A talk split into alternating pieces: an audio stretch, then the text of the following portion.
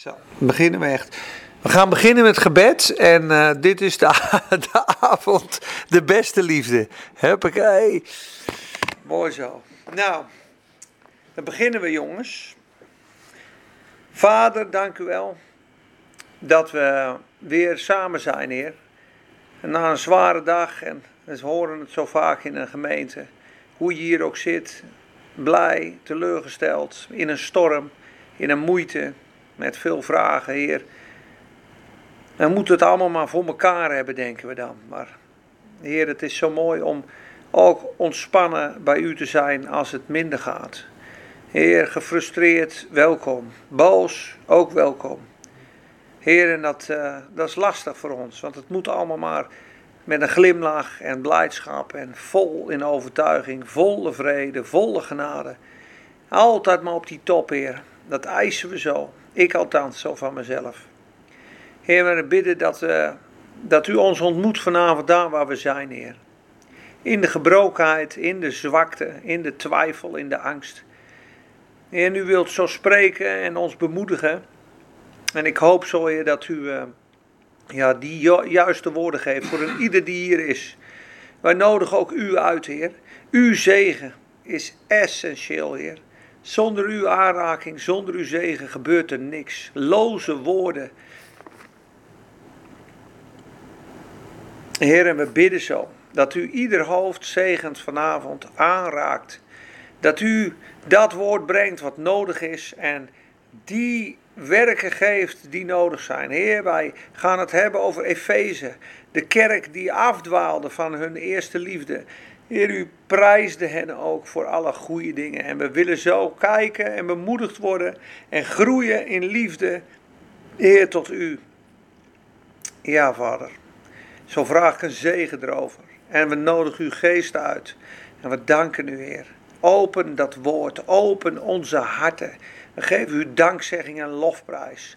Heer, we danken u dat u ons gekocht heeft, betaald heeft voor ons geleden heeft, gestreden heeft en nog bidt en pleit aan de rechterhand van de Vader. Niets, maar dan ook niets kan ons scheiden van uw liefde. Al geloofde ik dat vanmorgen niet, Heer. Al was er zo'n weerstand, zo'n opstandigheid, zo'n blokkade, Heer. En wat willen we die graag weg hebben, Heer, die blokkades, die angsten. Wat willen we genieten van die volle, rijke zegen. Daar verlangen we zo naar, Heer, en dat bidden we ook over een ieder. Laat uw glorie zien. Laat uw vaderhart zien. En breek ons los, Heer, van datgene wat ons tegenhoudt, wat ons verstoort. Om uw liefde, uw genade, uw kracht, uw zegen en uw rijkdom te omarmen, te ontvangen, te genieten en door te geven. Heer, dat bidden we zo. Verrijk ons, raak ons aan. In Jezus' naam. Amen. Amen. Oké. Nou, wij hebben een korte vogelvlucht voor, uh, voor Henk en Niels. We hebben de eerste les gepraat over openbaring 1, over de vergeving van zonden. En dat we koningen en priesters gemaakt zijn. Misschien hebben jullie dat minder vaak gehoord, maar dat vers was de eerstgeborene uit de doden en de vorst van de koningen der aarde, hem die ons heeft liefgehad aan dat kruis, hè, verleden tijd, en ons van onze zonden gewassen heeft in zijn bloed. En die ons gemaakt heeft tot koningen en priesters voor God en zijn Vader. Hem zij de heerlijkheid. Nou, dat deden we de eerste les. Tweede les hebben we gekeken, als ik het goed heb, naar de vervulling en de zegen in Efeze, omdat we een opbouw wouden maken voor de kerk. Derde les dachten we, nou dat is zo rijk, daar moeten we nog een lesje aan toewijden. Want Efeze 1, 2 en 3 staan 69 rijke bevestigingen en zegeningen. Je bent bevestigd, vergeven, verzegeld, aanvaard, toegang in God, verrijkt, bekrachtigd, een zoon, een erfgenaam. En het gaat maar door. Die opbouw hebben we gedaan, omdat als je bij het boek Openbaring komt je een krachtig fundament van genade en vergeving moet hebben. Anders ga je het verkeerd interpreteren, ga je de bietenbrug op. Val je van genade, ga je alle waarschuwingen interpreteren op een verkeerd fundament. Want je hebt het fundament, je bent zijn kind, maar hij gaat je nu opvoeden. hij gaat straks liefdevol zeggen, ja, dit heb ik tegen u. Ja, en als je dat tegen een kind van ik heb iets tegen jou, ja, dat kan heel kwetsend zijn. Maar hij doet dat uit liefde, oordelend, met ogen als vuurvlammen, om ze rijker en voller te maken. Als je thuis tijd hebt en je leest Deuteronomium 8, ik weet niet of ik dat vers nu kan vinden. Het is altijd fijner om het eventjes te lezen dan uit je hoofd te dicteren. Maar op Deuteronomium 8, daar gaan ze eigenlijk door allerlei moeites heen. Dat volk van Israël. En nou, ik, ik kan het nu misschien niet gelijk zo vinden, maar het gaat erover dat hij door moeites, door verdrukkingen, door tegenslagen heen in dat hoofdstuk op, op een gegeven moment zegt, om ten einde toe te weten wat in uw hart was, liet ik u dit over, overkomen, om te weten wat in uw hart was. En dan aan het eind staat er, om u uiteindelijk goed te doen. Ik moest dat uitje breken. Ja, dat bittere, uh, bittere water. Ja, dat was moeilijk, dat was moeilijk. Daar werd je getest, daar werd je beproefd. Om te weten wat er uiteindelijk nou in dat hart zat. Om u uiteindelijk goed te doen. Dus dat wil hij in openbaring ook. Hij wil ons volmaken, heiligen. En het fundament van heiliging is altijd op rechtvaardiging. En het grote gevaar is als je niet geworteld en gefundamenteerd bent in de gave der gerechtigheid. Het is u uit genade geschonken, vergeven, wat we in Efeze gelezen hebben. Dan kan het zomaar zijn dat je de heiligmaking als je basis van redding gaat zien. Als die rechtvaardigmaking niet sterk is, is hetzelfde als je een huis bouwt zonder fundament. De katholieke kerk doet dit bijvoorbeeld. Mensen die vroeger angstprediking hadden, die, die, die zeiden, die kwamen er ook later achter, ze, hebben, ze maken van heiliging, maken ze eigenlijk rechtvaardigmaking.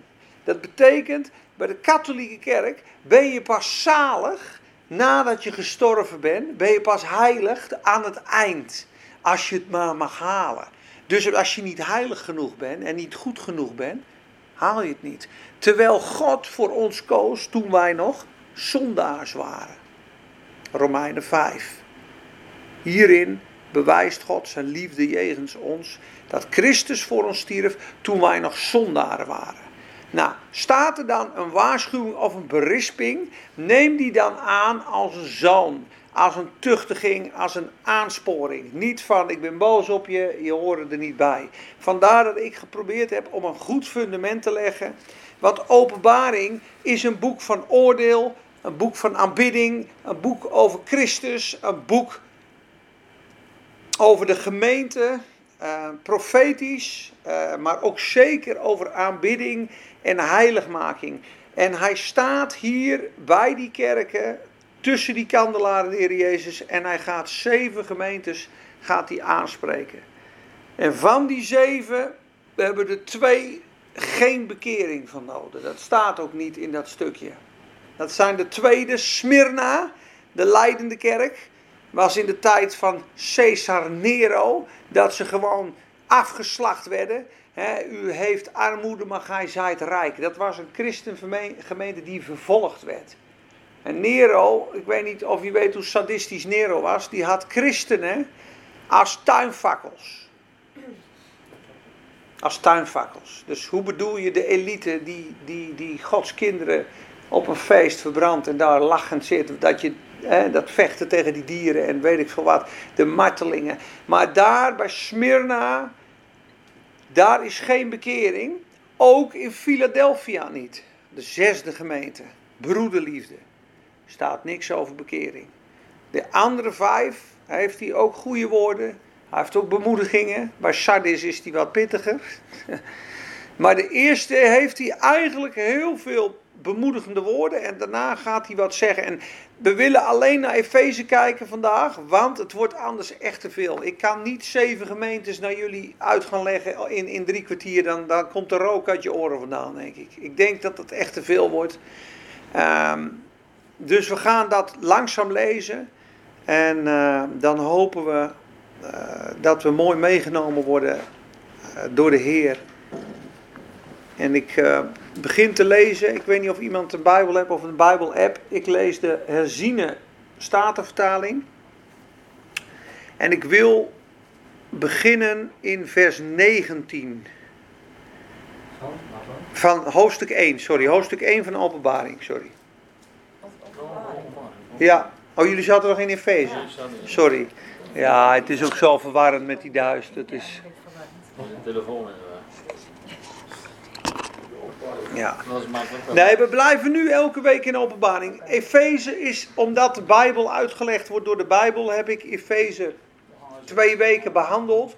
Dat Efeze ook over de kerk, over de bruid, over het leger praat. En al die zegeningen, die moeten we als vaste bodem hebben om te staan op het fundament. En uiteindelijk gaat openbaring niet over de universele kerk, maar over de lokale kerk.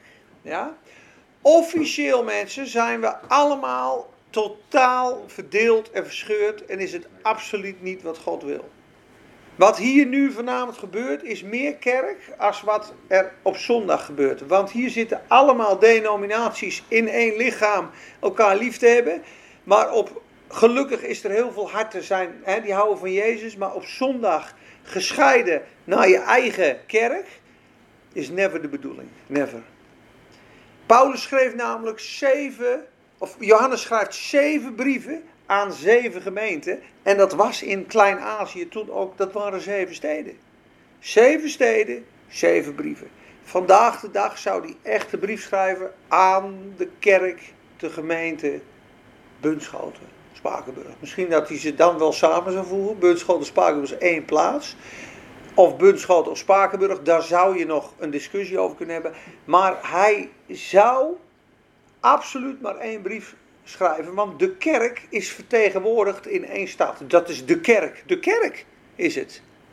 En daar waar ruzie gekomen is en scheuring is nooit Gods wil.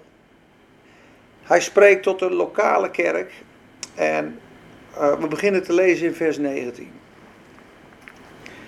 Schrijf nu op wat u hebt gezien en wat is en wat hierna zal geschieden. Het geheimenis van de zeven sterren die u in mijn rechterhand hebt gezien. En van de zeven gouden kandelaren is dit. De zeven sterren zijn de engelen van de zeven gemeenten. En de zeven kandelaren die u hebt gezien zijn de zeven gemeenten. Stop heel even hier. Het is de eerste keer in de hele Bijbel dat de kerk vergeleken wordt met een kandelaar. En dat is in openbaring. En een kandelaar is niet degene die het licht is, maar die de standaard is voor het licht. En het doel van een kandelaar is het licht brengen en schijnen. En het licht schijnt door de olie van de Heilige Geest. Dus de taak van de kerk, van de gemeente is Christus weerspiegelen, de glorie van God afstralen door de gemeenschap en de kracht van de Heilige Geest. Dat is het doel wat God wil met de kerk. Wij moeten stralen. Dus dat is het punt. Oké. Zeven gemeentes. Korte overvlucht voor degenen die dat fijn vinden. Het zijn zeven tijdsbedelingen ook. De dingen die waren, de dingen die zijn op dat moment zijn de zeven gemeenten en de dingen die gaan komen. Dat zijn de oordelen over de aarde. De eerste kerk, Efeze, is in de tijd van de eerste eeuw. Van de eerste eeuw. Paulus zegt, handelingen 19 en 20, dat is Efeze. Trouwens, als je thuis wil lezen, handelingen 19 en 20. Oh, Sonja is er ook niet. Sonja, waar ben je? Handelingen 19 en 20. Dat gaat over Efeze. Daar zie je dat Paulus in Efeze komt. Dat ze tot bekering komen. Dat ze hun toverkunsten en hun boeken verbranden. En dat er een groot feest is. En dat hij op een gegeven moment afscheid van zijn heeft. Dan knielen ze op het strand en nemen ze huilend afscheid. En dan zegt hij: Weet dan, broeders, ik heb dag en nacht voor drie jaar lang heb ik u met tranen vermaand. Houd vast, waakt over de kudde, want ik weet dat na mijn vertrek wolven zullen komen die de gemeente niet zullen sparen. Mensen die andere discipelen achter zich aantrekken met mooie woorden ze meelokkende. Dus hij zag al aankomen, die, die, die kerk wordt straks verdeeld. Nou, en die liefde ging weg. En daar praat hij hier over. Dit is ongeveer geschreven in 95 na Christus, openbaring van Johannes. 95 na Christus. Paulus' brief is geschreven in 56, 55 na Christus. Dus 40 jaar later, een generatie. Terwijl Apollos was in Efeze geweest, dat is hoofdstuk 18.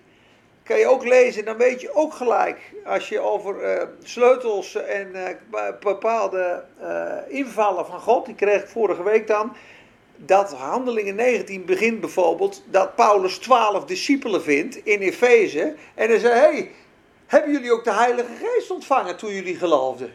Dat was zijn eerste vraag. En dan staan er, ja, we, we weten helemaal niet wie, wat een Heilige Geest is. Dus hij zei, ja, maar jullie hebben over, eh, over, over de Heer Jezus gehoord en uh, waarin zijn jullie dan gedoopt? Dan zeggen ze, ja, we zijn gedoopt in de doop van Johannes. En dan zegt hij, ja, Johannes die doopte een doop tot bekering van zonde. Maar ja, Johannes zei ook dat jullie daarna moesten geloven in Jezus. En toen zij dat hoorden, werden zij gedoopt. Twee keer. Ja? En nadat hij de handen op hen gelegd had, werden ze vervuld met de Heilige Geest en spraken ze in andere talen. Nou, dan zul je denken, welke knurft het er tegen hun preekt in Efeze. Maar als je een stukje terugleest, is het Apollos geweest. Want er staat: Apollos was een man, machtig in de schriften, vurig van geest. Die preekte alleen de doop van Johannes. Want hij was onderwezen in het Oude Testament. En hier staat een preek in die gemeente. En dan snap je het ineens. Denk je, hé. Apollos is in Efeze, die staat daar in een tempel te verkondigen. En dan staat er Priscilla en Aquila namen hem apart en legden hem de weg van God nog nauwkeuriger uit.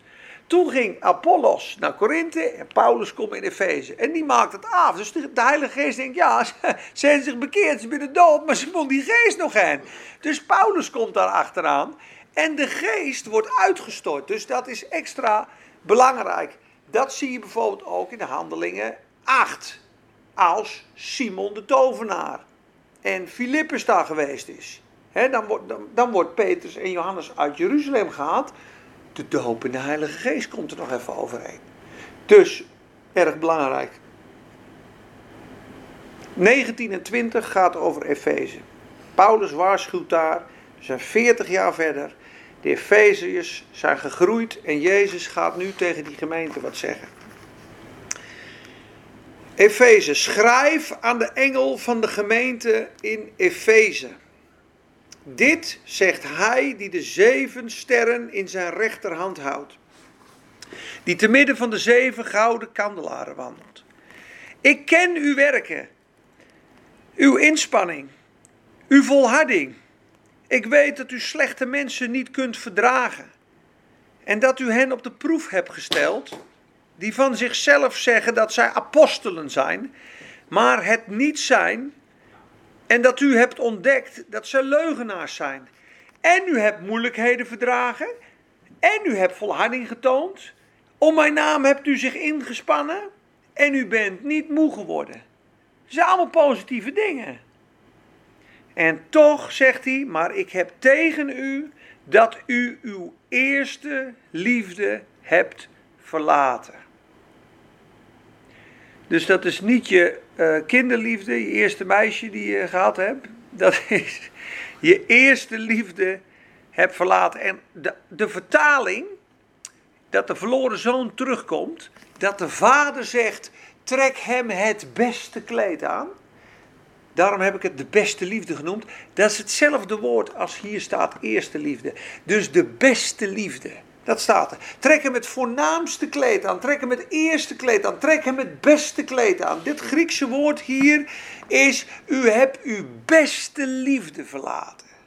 Dus je allerbeste liefde, de mega focus op Jezus, dat hebben jullie verlaten. Daar gaan we straks op inzoomen. Bedenk dan Hoe krijg ik die liefde terug? Bedenk dan van welke hoogte u bent gevallen. Positie in Christus, zo interpreteer ik het trouwens mensen. Ik ben niet degene die alle antwoorden van openbaring heb. Dat is ook een reden waarom ik het vanmorgen zwaar had. Ik kom bijvoorbeeld niet op een Bijbels antwoord. Doe dan wederom de eerste werken. En er zijn verschillende uitleggen over. Dus ik heb zitten bidden van de eerste werken. Wat zijn nou de eerste werken? En dan ga je graven in je eigen leven en zoeken. Dan word je een beetje onzeker. En toen dacht ik, nou ja, ik laat dat wel rusten. Ik ga straks twee uh, voorbeelden geven van goede predikers die het aanhalen. En misschien hebben jullie wel een hele goede ingeving. Maar in ieder geval, de Heer gaat verder. u hebt uw eerste of uw beste liefde verlaten. Hoe krijg ik het terug dan, Heer? zou de vraag kunnen zijn. Bedenk dan van welke hoogte u bent gevallen. En bekeer u en doe de eerste werken. Misschien zou hier ook beste werken kunnen staan. Doe de beste werken. Je doet veel voor mijn naam. Je, je, bent aan het volharden. Je bent van alles aan het doen voor de Heer. Alleen je beste liefde en je beste werken of je eerste werken, ja, die heb je verzaakt. En dan wordt het best pittig. En dan zegt hij, maar zo niet, als je je daarvan niet bekeert, dan kom ik spoedig bij u en zal ik uw kandelaar van zijn plaats nemen. Dan kan je niet getuigen, dan kan je dat licht niet dragen. Dat is best pittig toch mensen?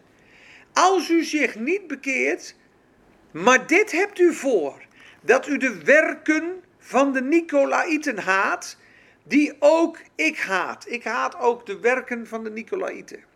Wie oren heeft, laat hij horen wat de geest tegen de gemeenten zegt. Zie je, tegen kinderen van God. Wie overwint, wie zijn eerste liefde, die die verloren is, terugwint, ja, in context, wie overwint, ik zal hem te eten geven van de boom des levens die in het midden van het paradijs van God staat. Zie je, als je dit verkeerd interpreteert, dan zou je kunnen zeggen: zie je, ik moet, ik moet overwinnen en dan mag ik van de boom des levens eten. Dus, oh jongens, zie je, ik heb mijn eerste liefde verlaten, ik ben nu op een positie, ik moet iets gaan doen om de boom des levens te bereiken. En dan kan het fout gaan, want dan wordt het weticistisch. Snappen jullie wat ik bedoel? Hij spreekt hier tot absolute kinderen van God. En hij begint ze echt eerst te bemoedigen.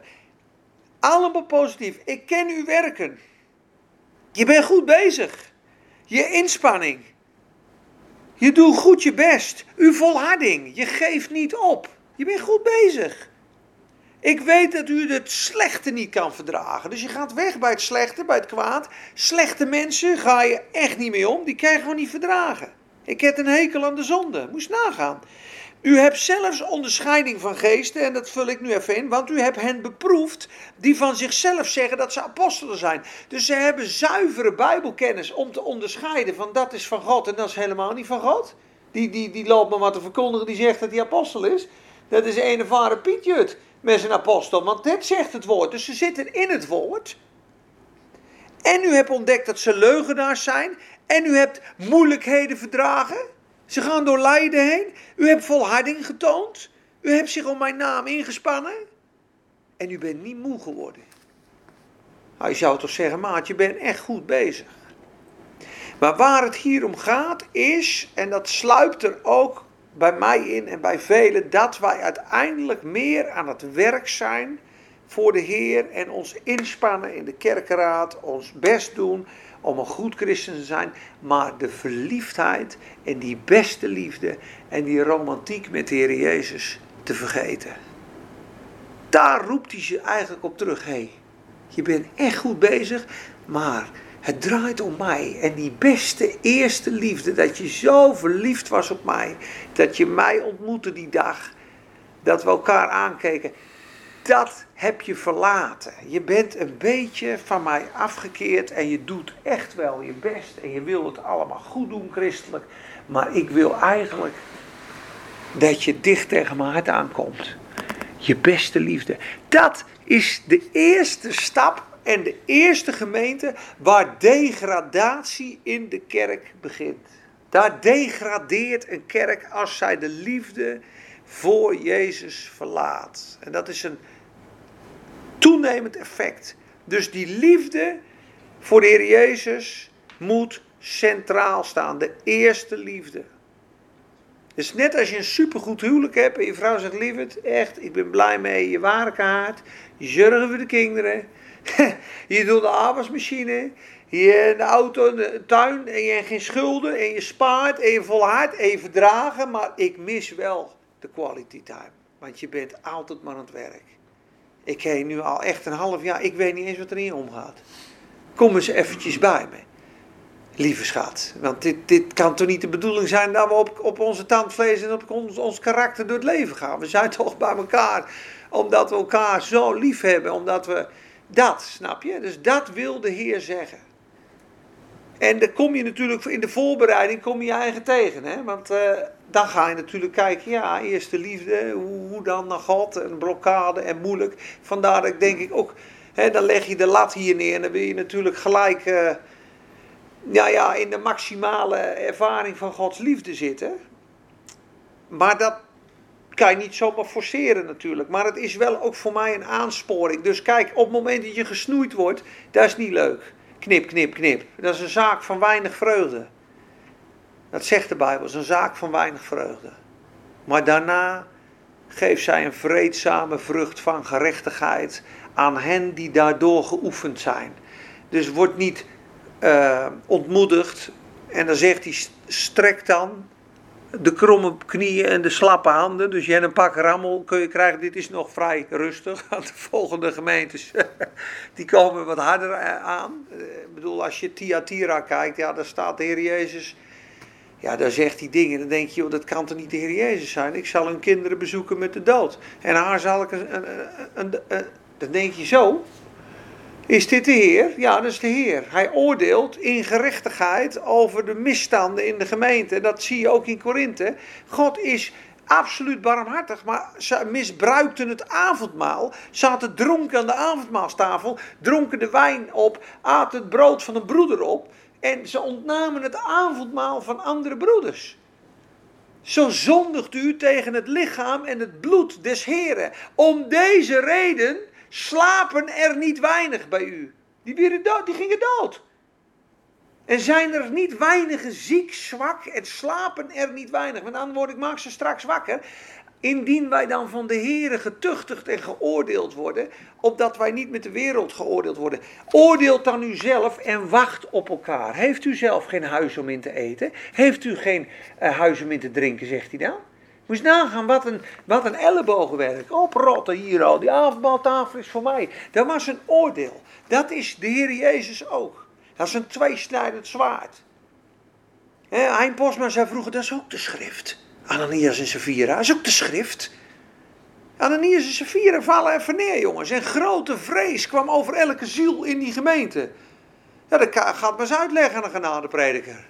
Ananias en Safira zijn dood. Ja, maar ja, ze bent toch kinderen van een wasen en accepteert. En, en mooi, ja, maar op dat moment was het gewoon even. Klatsboom. Geen leugen tegen de Heilige Geest in de gemeente. Dat was heftig, jongens. Is heftig. Maar dit is ook openbaring. En het wordt straks heftiger en heftiger. Want hoofdstuk 6, als we daar komen tot 16, zijn de oordelen over de wereld. Dat is de toren van het lam. Dan is de Heer het zat. Dan heeft hij genadetijd gegeven, heeft hij alles gedaan en zegt hij: luister, nu is het afgelopen. Nu gaat het lam wat voor u geslacht is, gaat oordelen. En dan komen de, de, de, de paarden. We gaan het lezen. Paard 1 en paard 2 en paard 3 en paard 4. En de zevende zegel en het vijfde zegel. En de onthoofding en de zesde, zevende zegel. En dan de trompetten en de schalen. Nou, dan komt er een partij ellende over de aarde heen. Dat wil je niet weten. Er kan niemand bij. Daarom dat boek Openbaring kan niemand bij. Die zo, de genadeboodschap, mensen, of de algehele verzoeningsleer, die zeggen, oh ja, dat is allemaal al gebeurd. Tot 70, in 70 na Christus is dit allemaal gebeurd. Jij bent een futurist, zeggen ze dan. Peter Duis is een futurist. Met andere woorden, Peter Duis denkt dat dat nog gaat gebeuren. Ja, dat gaat wel zeker nog gebeuren. Maar het past niet in hun theologie dat God op een gegeven moment aan zijn eer wil komen als verlosser.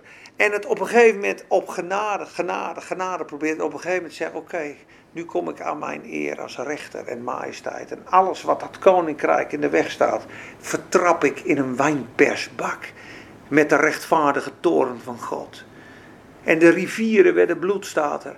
En de altaren, mensen onder het altaar zeggen, ja heren, u geeft hen nu bloed te drinken. Want zij hebben het bloed vergoten van uw profeten en uw heiligen. Ze hebben het vertrapt. Zij waren het waard, heren. Rechtvaardig en heilig zijn uw oordelen. Oh, wie zou u niet vrezen? Ja, en dan komt het, jongens. En nochtans verharden ze zich. En de Satan krijgt er straks een oordeel. In hoofdstuk 17 is het oordeel over Babylon materieel.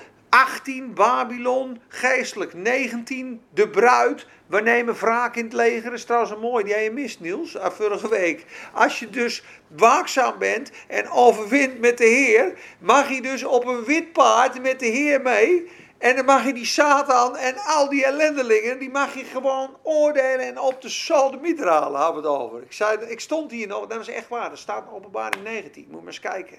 Zij die met hem op de paarden waren de uitverkorenen, de, de getrouwen en de heiligen. En die zijn met Jezus in die strijd met een zwaard uit je mond. En die gaan recht spreken over de aarde. En de Heer zegt: Ga hier maar mee, want jij hebt overwonnen. En dat is heerlijk. Maar eerst, ik heb Hein Posma nog gebeld van de week. Peter, wat er ook gebeurt aan vervolging, jij moet nooit voor jezelf opkomen. Want de Heer Jezus heeft overwonnen als het lam. En niet als de leeuw. Straks komt hij als de leeuw. Straks gaat hij als een leeuw alles aanpakken. Maar nu is hij het lam en jij moet ook het lam zijn. En dan gaf hij een voorbeeld, jongens, Noord-Korea. Op dit moment, vorige week gebeurd. Geloof jij in Jezus? Ja. Twee kinderen opgehangen voor de ogen van hun ouders. Ja, en de moeder zei tegen het kind: En ik zie je zo, hè? En ik zie je zo, hè? En ze zweerden Jezus niet af in een grote stoomwals, plat gewals, die mensen, hartstikke dood. Gebeurt op dit moment in Noord-Korea. Maar ze gingen als het lam. Hij zei, er zijn mensen nu in China, ja, er zijn zendelingen, die man komt buiten, die wordt bekogeld met stenen, omdat in China gezegd wordt, alle buitenlanders hebben dat coronavirus hier gebracht. Zijn vrouw wou meubels weggeven, die wordt gevolgd door camera's, we hadden het natuurlijk over de tijden die gaan komen. Ze kan nergens heen. Ze, ze wordt gewoon gelijk ondervraagd, gelijk gevolgd. Ze zijn aan het bidden, moeten we hier wel blijven? We hebben zeven gemeentes gesticht in de bergen en we kunnen nergens heen. We kunnen in de butten, we kunnen helemaal niks. Dus hoe heftig. En dan zei ik, wanneer mag je dan voor jezelf opkomen? Wanneer is dat punt dan? Dat je gebruik mag maken van je grondrechten. Toen zei hij, tuurlijk mag je ertussen springen als je je kinderen aanvallen. En Paulus maakt gebruik van zijn recht. Als hij in die teugels hangt, dan zegt hij niet sla maar, dan ga ik meer zegen voor Jezus brengen. Zegt hij nee, eh, mag je een Romein zomaar geestelen? Hoe bedoel je? Ben je een Romein? Ja, ik ben een Romein. Zonder recht. Oh, en toen schrok hij, toen maakten ze hem los. Dus er is heus wel een recht waar je op mag staan. Alleen de vervolging, we moet zijn als het lam. We zien je straks, lieverd. En een wals eroverheen. Heftig, jongens. Hè? Maar dat openbaring is een absolute oordeel over de Satan in hoofdstuk 20. Zijn val staat erin in beschreven. Daarom valt hij dat zo aan. Hier staat zijn grote verlies en zijn einde. Zijn einddoel staat hier vast. En het beest en de valse profeet werden gegrepen met de Satan en werden in de poel des vuurs geworpen. Die brand van vuur en zwavel. Daar worden zij dag en nacht gepijnigd tot in alle eeuwigheden. Mooie toekomstmaat. Hey, dag en nacht gepijnigd tot in alle eeuwigheden is de straf voor de Satan, het beest en de valse profeet. Halleluja. Ze zitten in de poel des vuurs. En kijk, de oordelen over de aarde van 6 tot 16 moeten allemaal geschieden. Maar hij begint in liefde te oordelen over zijn bruid, zijn gemeente. Dit heb ik tegen je. Dat je je eerste liefde hebt verzaakt. Dus hij is je allemaal aan het prijzen. Volharding getoond. Je kan een topchristen zijn. Maar ik heb tegen u dat u uw eerste liefde hebt verlaten. Nou, ik vroeg vanmorgen aan de Heer, joh. Hoe weet je nou of je u wel lief hebt dan? Want is mijn liefde niet strategisch? He? Ik heb wel lief, want ik kriek wat terug. Snap je? Is mijn liefde niet politiek? Hoe echt is mijn liefde voor u dan? Hij dat afvraagt, dan word je best onzeker. Ik denk, ja, op een schaal van 100 ben ik nou onderbewust op 79 en zegt hij, lievertje, en zo goed, haatje, je houden zoveel van, maar je weet het niet. Of, ja, maar het, het, is karig. Ja, ik weet het echt niet, jongens. Ik wie er echt onzeker van. Dus ik kreeg het bad er natuurlijk antwoord op. Nou goed, laten we dan maar naar Romeinen 8 gaan. Want gelukkig gaf de Heer een knipoog, jongens.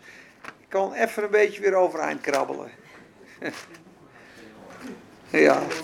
Nee, maar je wordt onzeker, weet je wel. Dat moet ik van hebben, hè? Kom je er nog uit of niet? Gisteren eigenlijk op de tollen, denk ik. Ja, hè? Nooit van de Bijbel bij Nee. Ja, je zit er nou in. De Bijbel in tien weken niet. Dit is uh, nog geen Champions League, maar wel Eredivisie. Halleluja! Hoe is het? Nee, maar ik, ik, ik zat er even doorheen vanmorgen, echt. Ik, ik denk, joh, hoe weet ik nou of ik God echt lief heb? Hoe weet ik dat? Je eerste liefde. Hem wel lief, had je hem niet. Hem wel lief voor de goede redenen. En ik begon met de Romeinen 8, ik weet niet waarom ik er kwam, maar ik ben zo blij dat ik het las. Want daar zegt hij, zo mooi, vers 28. 8, vers 28. Wij weten dat voor hen die God liefhebben, alle dingen medewerken ten, goed, ten goede. Voor hen, namelijk, die overeenkomstig zijn voornemen geroepen zijn. Goed lezen nog een keer. We weten dat voor hen die God liefhebben, alle dingen medewerken ten goede. Namelijk voor hen, die God lief hebben, die geroepen zijn naar zijn voornemen. Dus de kinderen die geroepen zijn en gered zijn, hebben God lief. Mooi hè? Jij hebt hem lief, Wout. Ik heb hem lief. Want we zijn zijn kinderen. We hebben toch die aan verlossing aanvaard. En God zegt, joh, je bent geroepen naar mijn voornemen. De mensen die God lief hebben. Dus ik denk, God, daar hoor ik gelukkig bij. Bij de mensen die God lief hebben. Nou, dat mijn liefde kan groeien, dat, laten we daar ook maar van uitgaan. En toen kwam dus, daar gaan we nu naartoe, naar de volgende tekst. Hè? Want over liefde gesproken. Kijk, onze liefde voor hem moet groeien. Zijn liefde voor ons kan niet groeien. Die is maximaal onvoorwaardelijk, onuitputtelijk, eeuwig. Van zijn kant is de maximale liefde. Ik zei het nog tegen Hein, ik maar als je dan niet goed gepresteerd hebt, je gaat toch kijken, ik voel me niet geliefd, ik heb geen 10 vandaag, ik heb een 6,5. Je gaat het toch baseren op iets. Hij zegt, maar van zijn kant is het altijd volkomen aanvaarding, volkomen barmhartigheid. Dus ik zie, ja, maar dan ben ik toch degene die mezelf disqualificeert. op dat moment. Je, je verdient de liefde niet van God. Of ik ben boos, of je had zo moeten zijn. En dat kan van alles zijn. Zonde, hoogmoed, blindheid, eh, beschadiging, ik weet het niet. Ik heb, ik heb best wel wat muren en dingen om nog te overwinnen. Alleen als je zijn barmhartigheid en vertroosting daarin mag vinden, ja, dan moet je kijken, dan lezen we dat stukje in Romeinen 8, hoe vaak dat er staat over hij, dat hij ons zo lief heeft. Hè? Want hen die hij van tevoren, vers 29, gekend heeft, die heeft hij er ook van tevoren toe bestemd om aan het beeld van zijn zoon gelijkvormig te worden.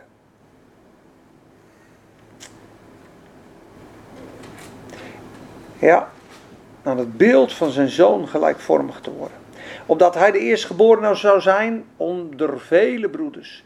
En hen die hij er tevoren toe bestemd heeft, die heeft hij ook geroepen, gered. Hè? Dat is de eerste les dit. Die hij ook geroepen of zalig gemaakt heeft, die heeft hij ook gerechtvaardigd. En die die gerechtvaardigd heeft, heeft hij ook verheerlijkt. En dat is straks. Dus het hele plan staat al vast. Daarom zegt hij alle dingen werken mede ten goede. Want het staat allemaal vast. Kijk, en dan vers 32. Wat moeten we dan zeggen tot deze dingen? Gerechtvaardigd, gekozen, verheerlijkt. Als God voor ons is. Wie kan dan nog tegen ons zijn? Zie je dat? Wat zullen wij zeggen over deze dingen? Die zelfs zijn eigen zoon niet gespaard heeft, maar voor ons allen heeft overgegeven. Hoe zal hij niet met Jezus, als dat geschenk al gegeven is, alle dingen schenken? En dan begint hij over die angst, snap je? Dan zegt hij, wie is, zal beschuldigingen inbrengen tegen de uitverkorenen van God? God is namelijk degene die jou rechtvaardigt. Wie is het die jou verdoemt of veroordeelt? Is dat Christus die voor jou gestorven is? Nee, natuurlijk niet. En wat meer is, die ook opgewekt is. Die ook aan de rechterhand van God is. Die ook voor ons pleit op dit moment. Wie zal ons scheiden van de liefde van Christus? Verdrukking, benauwdheid, vervolging, honger, naaktheid, gevaar of zwaard. Zoals geschreven is, Psalm 44, want omwille van u worden wij de hele dag gedood. We worden beschouwd als slachtschapen. Maar in dit alles zijn wij meer dan overwinners door Hem die ons heeft liefgehad. Wie zal ons scheiden van de liefde van Christus? Zie dat, want ik ben ervan overtuigd, mensen, dat nog dood, nog leven, nog engelen, nog overheden, nog krachten, nog tegenwoordige, nog toekomstige dingen, nog hoogte, nog diepte, nog enig ander schepsel ons zal kunnen scheiden van de liefde van God, welke in Christus Jezus is. Als je die versen pakt van 28 tot 39 en je gaat daar eens veel over lezen, veel over nadenken, dan ga je het zien. Want vers 28 begint namelijk, wij weten dat voor hen die God liefhebben, alle dingen medewerken ten goede. Voor hen namelijk die overeenkomstig zijn voornemen geroepen zijn. Want die hij het tevoren geroepen heeft, heeft hij ook aan het beeld van zijn zoon gelijkvormig geworden bestemd. Met andere woorden, zie je, ik heb jou gekocht en ik beloof dat jij wordt als mijn zoon Jezus. Dat staat helemaal vast. Daarom werken alle dingen mede ten goede. Wees niet bang. Ik breng jou tot een volwassen zoon, tot een volwassen dochter. En dan gaat hij dat bevestigen. Wat zullen we dan zeggen tot deze dingen? Indien Gods voor zit. Zal vervolging en moeite en verdrukking ons scheiden? Nee. Nee, nog niet. Nooit niet. Never niet. En dat wil hij zeggen. Dus die basis van die liefde is de, is de kracht om door die vervolgingen en die verdrukkingen en die moeites heen te gaan. Nou, nou is het van Gods kant perfect. Maar nou wacht God dat wij Hem lief hebben. En op het moment dat je Hem lief hebt, komt de zegen. En de zegen is Ga ik even terug naar hoofdstuk 2 van Openbaring. Sorry voor het surfen. Want wat gebeurt er? Dan ga je eten van de boom van het leven. Op het moment dat je God lief hebt, die eerste liefde overwint, zegt hij, dan geef ik u het recht om te eten van de boom des levens. Dus dan ga je dat eeuwige leven waar ik zo naar verlang, en jij, ga je ervaren. En dat leven brengt licht. Want het leven is het licht der mensen, zegt Johannes. Dus dan komt openbaring wie God is. Dus op het moment dat je Hem lief hebt, ga je dat leven, die boom des levens ervaren. Dan begint het realiteit te worden. Als je zijn liefde beantwoordt, dan gaat het stromen. En dan begint het licht en, en de getuigenis. Want een kandelaar wordt dan niet weggehaald. Snap je? Als je je niet bekeert, als je door blijft gaan en je mist die liefde met mij, neem ik die kandelaar weg. Dan gaat het getuigenis weg, want het gaat om mij. Dus wil je een krachtig getuigenis hebben, is het God liefhebben. Daarom is Heidi Beker ook zo effectief. Want Heidi Beker zegt: één minuut van intimiteit met Jezus is meer dan 50 uur gebed. Het is, eh, ik, ik aanbid hem. Ik heb zoveel liefde voor hem. En weet je hoeveel vrucht ze heeft? En ze zegt, ik bid nooit voor vrucht. Ik bid nooit voor wat moet ik allemaal doen. Ik, het enige wat ik doe is, Heer, mag ik een rustplaats zijn voor uw geest. Ik heb u lief, ik aanbid u. En ze heeft zoveel wonderen en tekenen. Maar dat zijn alleen maar bijproducten, zegt ze. Ze is er niet mee bezig. Hoeveel kerken moet ik doen? Hoeveel dit, hoeveel dat? Niet. En dat is een sleutel.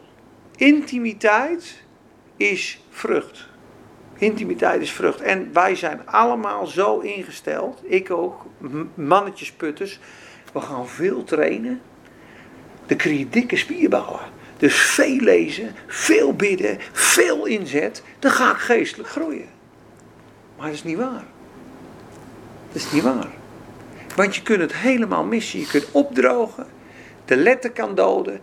Maar als je eerst bij God komt, Willem Vieger zei het zondag, zondag ook, de letter dood, met de geest maakt levend. Leer eerst eens te luisteren naar de Heilige Geest, wat Hij zegt.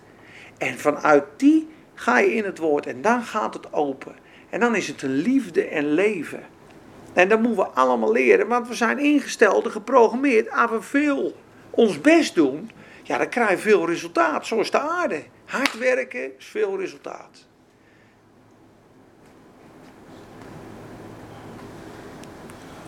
Wat zei je? Ja, een miljoen stoelen neergezet. Ah, ja, precies. Nee, maar snap je dat door de liefde je groeit? En dat we dat allemaal moeten leren. Dus mijn volgende vraag vanmorgen was: hoe groeit, hoe groeit dan die liefde? Hè? En dat staat zo mooi. In Filippenzen 1, vers 9. De liefde meer dan de kracht, maar zonder de kracht geen liefde. Ja, ja. Filippenzen 1, vers 9 tot 11.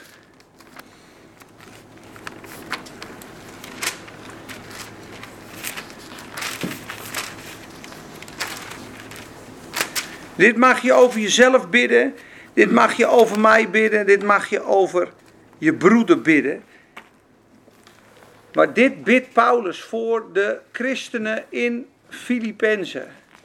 En ik wil het eventjes in context lezen. Want dan kun je zien wat voor een hart Paulus had. Als iedereen er is, hoor ik graag of je er bent. Het zit al 47 minuten, jongens. Het gaat er toch weer snel. Filippenzen 1, vers 3. Dankzegging en voorbeden. Ik dank mijn God telkens wanneer ik aan u denk. In elk gebed van mij voor u allen bid ik altijd met beleidschap. Vanwege uw gemeenschap aan het evangelie vanaf de eerste dag tot nu toe. En ik vertrouw erop dat hij die in u een goed werk begonnen is, dat voltooien zal tot op de dag van Jezus Christus. Het is immers voor mij terecht dat ik dit van u allen denk, omdat ik u allen in mijn hart heb als deelgenoten van mijn genade, zowel in mijn gevangenschap als in de verdediging en bevestiging van het evangelie.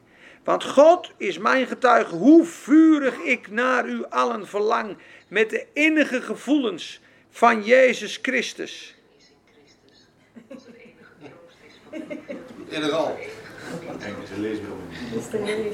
Ja, dat is hoofdstuk 4. Ja, ik was al, ik was al verder. Ja. Maar moest kijken, hè, want God is mijn getuige. Hoe vurig ik naar u allen verlang met de innige gevoelens van Jezus Christus. Dus zo'n liefde voor die gemeente. Elke dag bad hij voor die gemeente. Hij zag ze als zijn kinderen, als zijn deelgenoten in de genade. En dan bidt hij dit over zich heen.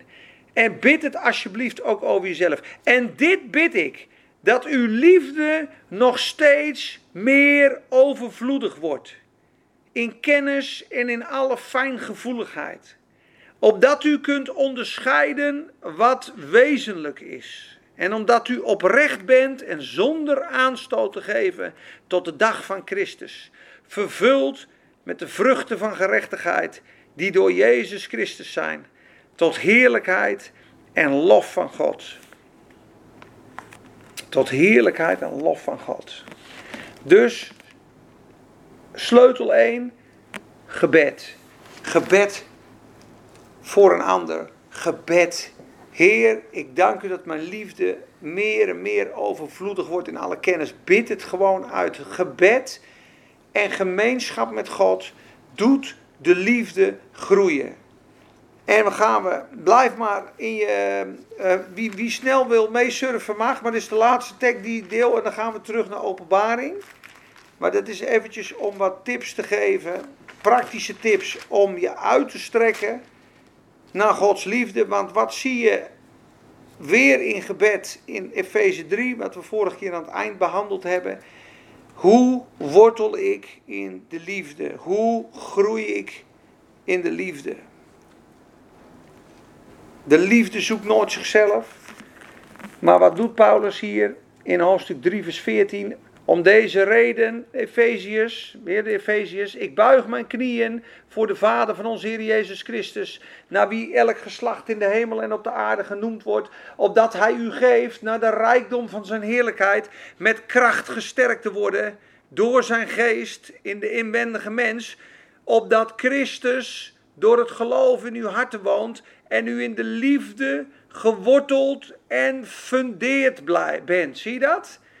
Geliefde wortelt en fundeert door de kracht en de gemeenschap van de Heilige Geest. Jezus als de Geest komt in je hart. Hij zit in je hart, maar hij wordt manifest. We noemden dat de waakvlam en de kachel die we aanstaken. Die kracht van binnen, die dat waakvlammetje volledig in de brand zet. En die die kachel, de pan op 190 hebben we gezegd, dan kun je die kibbeling bakken. Dat het vuur en de liefde van Gods geest je hart zo vult, opdat Christus door het geloof in uw hart woont. En u in de liefde geworteld en gefundeerd bent, opdat u ten volle zou kunnen begrijpen met alle heiligden, heiligen, wat de breedte, lengte, diepte en hoogte is. En u weer, en u de liefde van Christus zou kennen. Zie dat het allemaal liefde, liefde is de liefde van God. Wij die groeien in de rijkdom en de liefde tot Jezus. Dus als je minder van God ervaart, is een tip van een topprediker die heel dicht bij Jezus wandelen. Look into your love walk, zei hij. Als je weinig van Gods aanwezigheid en zegen in je leven ervaart, kijk dan naar je liefdeswandel met andere mensen. Heb je toevallig ruzie? Ben je boos? Heb je iets waar je erg geërgerd door bent? Dat blokkeert de liefde. Hou je hart rein. Zegen die persoon. Vergeef die persoon. En je zult zien dat de zegen en de gemeenschap van God gaat toenemen. Look into your love walk. Dus dat is er één. Wandel in de liefde. Gemeenschap met God. Gebed. Voor die kracht en die aanraking van die liefde. Dan degradeer je niet. En als je meer bezig bent met het werk van God en je merkt dat je opdroogt, zeggen ze: stop dan je werk en je taak. En ga zitten aan de voeten van de Heer Jezus. Zoals Maria. Martha, Martha. Je maakt je druk over veel dingen. En dat zit er bij mij ook in. Want je denkt, had je best doen. De Heer moet gediend worden. Zie je dat dan niet? Zie je niet? Dat ziet hij niet dat ik zo hard werk. Lieverd, Maria heeft het beste deel gekozen. Dus het voet zitten aan de voeten is veel effectiever dan het keihard rennen voor de Heer.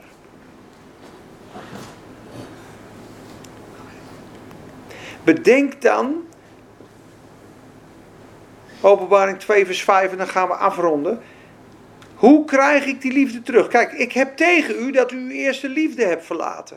U hebt hem verlaten. Hoe keer ik dan terug?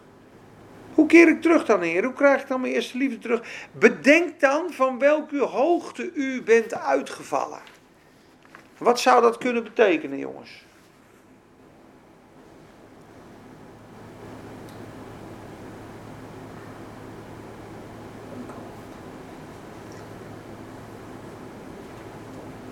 Dus er is iets met die Efeziërs gebeurd. En de Heer Jezus zegt: Ja, ik heb echt wel 7, 8 goede punten voor jullie. Maar het is, je bent een beetje bij de eerste liefde weggegaan. Bedenk dan van welke hoogte je bent gevallen. Waar zijn ze dan vanaf gevallen? Basis. Van? De basis. Heel goed. De basis, juist hem. Want, wat hebben we mooi gelezen in Efeze? Wat begonnen we mee met Watchman hier vorige keer? Wie weet het nog, die drie punten?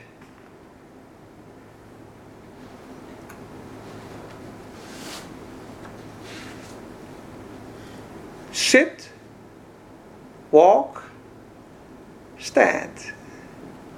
Stap 1 was zitten in de hemelse gewesten met Jezus. Alles is volbracht. Hij heeft voor mij betaald.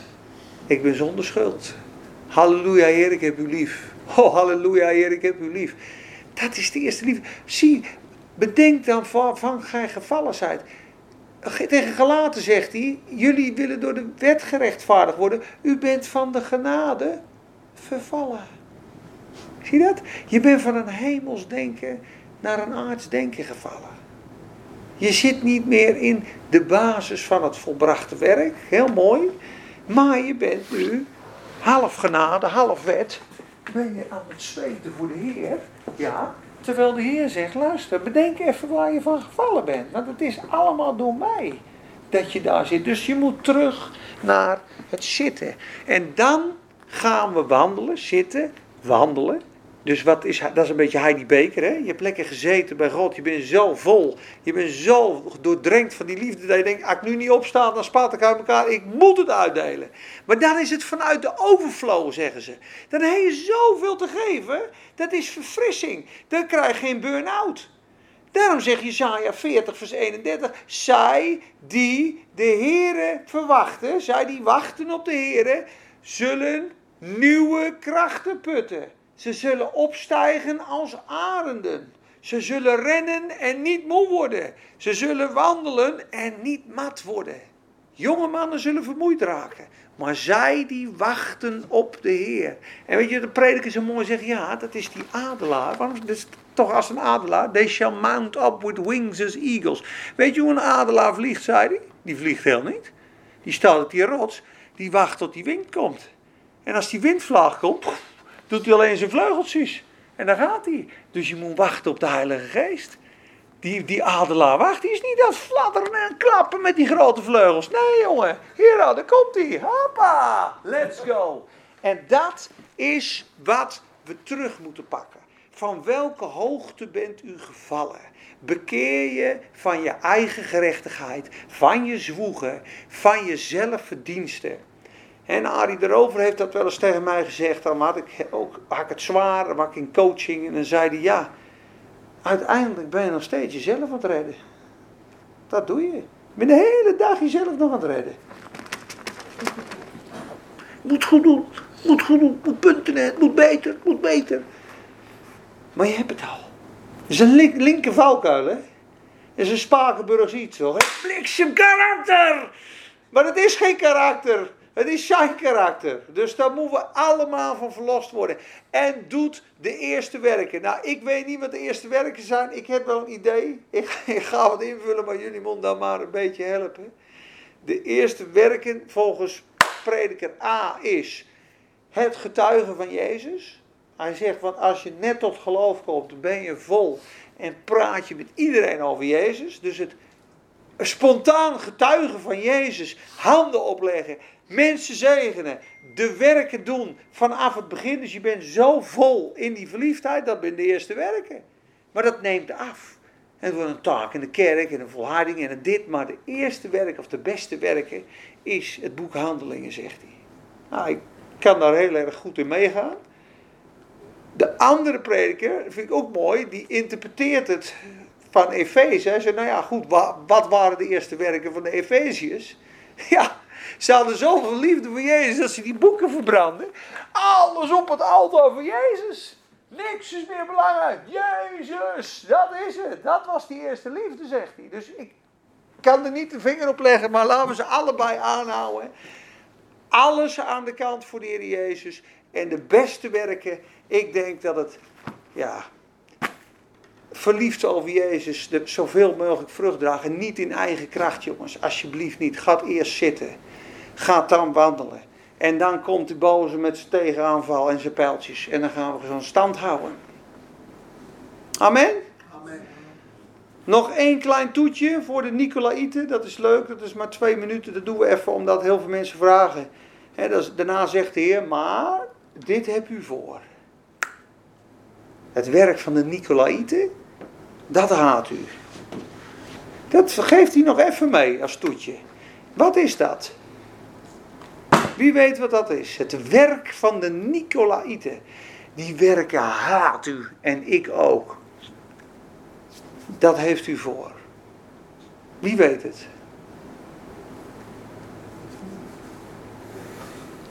Het is heel makkelijk. Of makkelijk, als je het weet is het makkelijk. Maar het is ook heel begrijpelijk dat de Heer het haat. En het is ook terug te vinden in de kerk op sommige plaatsen. Niet het wetticisme. Kan. Religie? Bijna. The work of the Nicolaitans, that's what you hate. Wie weet het? Van de online paradijsvogels. Arme, weet jij dat niet? Arme staat te douchen. Nee, nee, nee. nee vol- volgens mij waren a- afvolgen. Wat zei je? Afvolgen? Afvallige, nee. Ik ga het uitleggen. De Nicolaïten betekent dit. Het woord Nicolaitos in het Grieks betekent hoog, Nikos en laag. Er waren mensen in de kerk die zich hoger vonden en lager. Met andere woorden, subduing others for leadership positions. Dus anderen vertrappen om zelf bovenaan te komen. Hiërarchie in de kerk. En dat gebeurde in de katholieke kerk. Toen de bisschop zei, wel, de Bijbel is alleen voor ons. En voor de kardinalen. En voor het normale volk.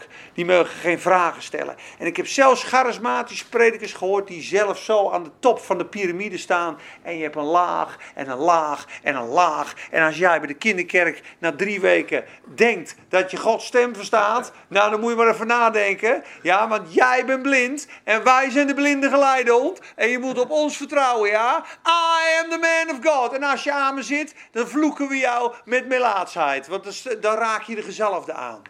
Want dan moet je eerst naar je leider, en die naar je leider, en die naar je leider. En als je dan bij mij komt, dan heb je misschien kans dat dat God was. De Heer haat het. Gij zijt allen broeders. En niemand is uw vader. Matthäus, wat is dat eigenlijk? 24? 23. 23, 8 tot 10. Einde. Love you. Blessings. Ik hoop dat jullie er weer wat aan hadden. Niels, eh, ging het? Niels slaapt vandaag niet. Ja, Ik ben een prediker aan het doorleven, joh. Ik denk, eh, alles is zinloos. ja, ja, Ja, dat, dat, dat refereer ik net nog. ja, ja, ja. Ja, nou goed, weet je, het is als jij, eh, als je alles achterlaat en het, het alleen maar met het hart in het koninkrijk leeft, dan draagt natuurlijk vrucht op vrucht. Maar dan kom je volgens mij op een plaats dat heel veel dingen van de wereld niet meer, niet meer aantrekkelijk zijn. En kijk, het is natuurlijk super mooi om zegen te hebben op je werk, om lekker te draaien. En als je hart er niet in zit, is het allemaal goed.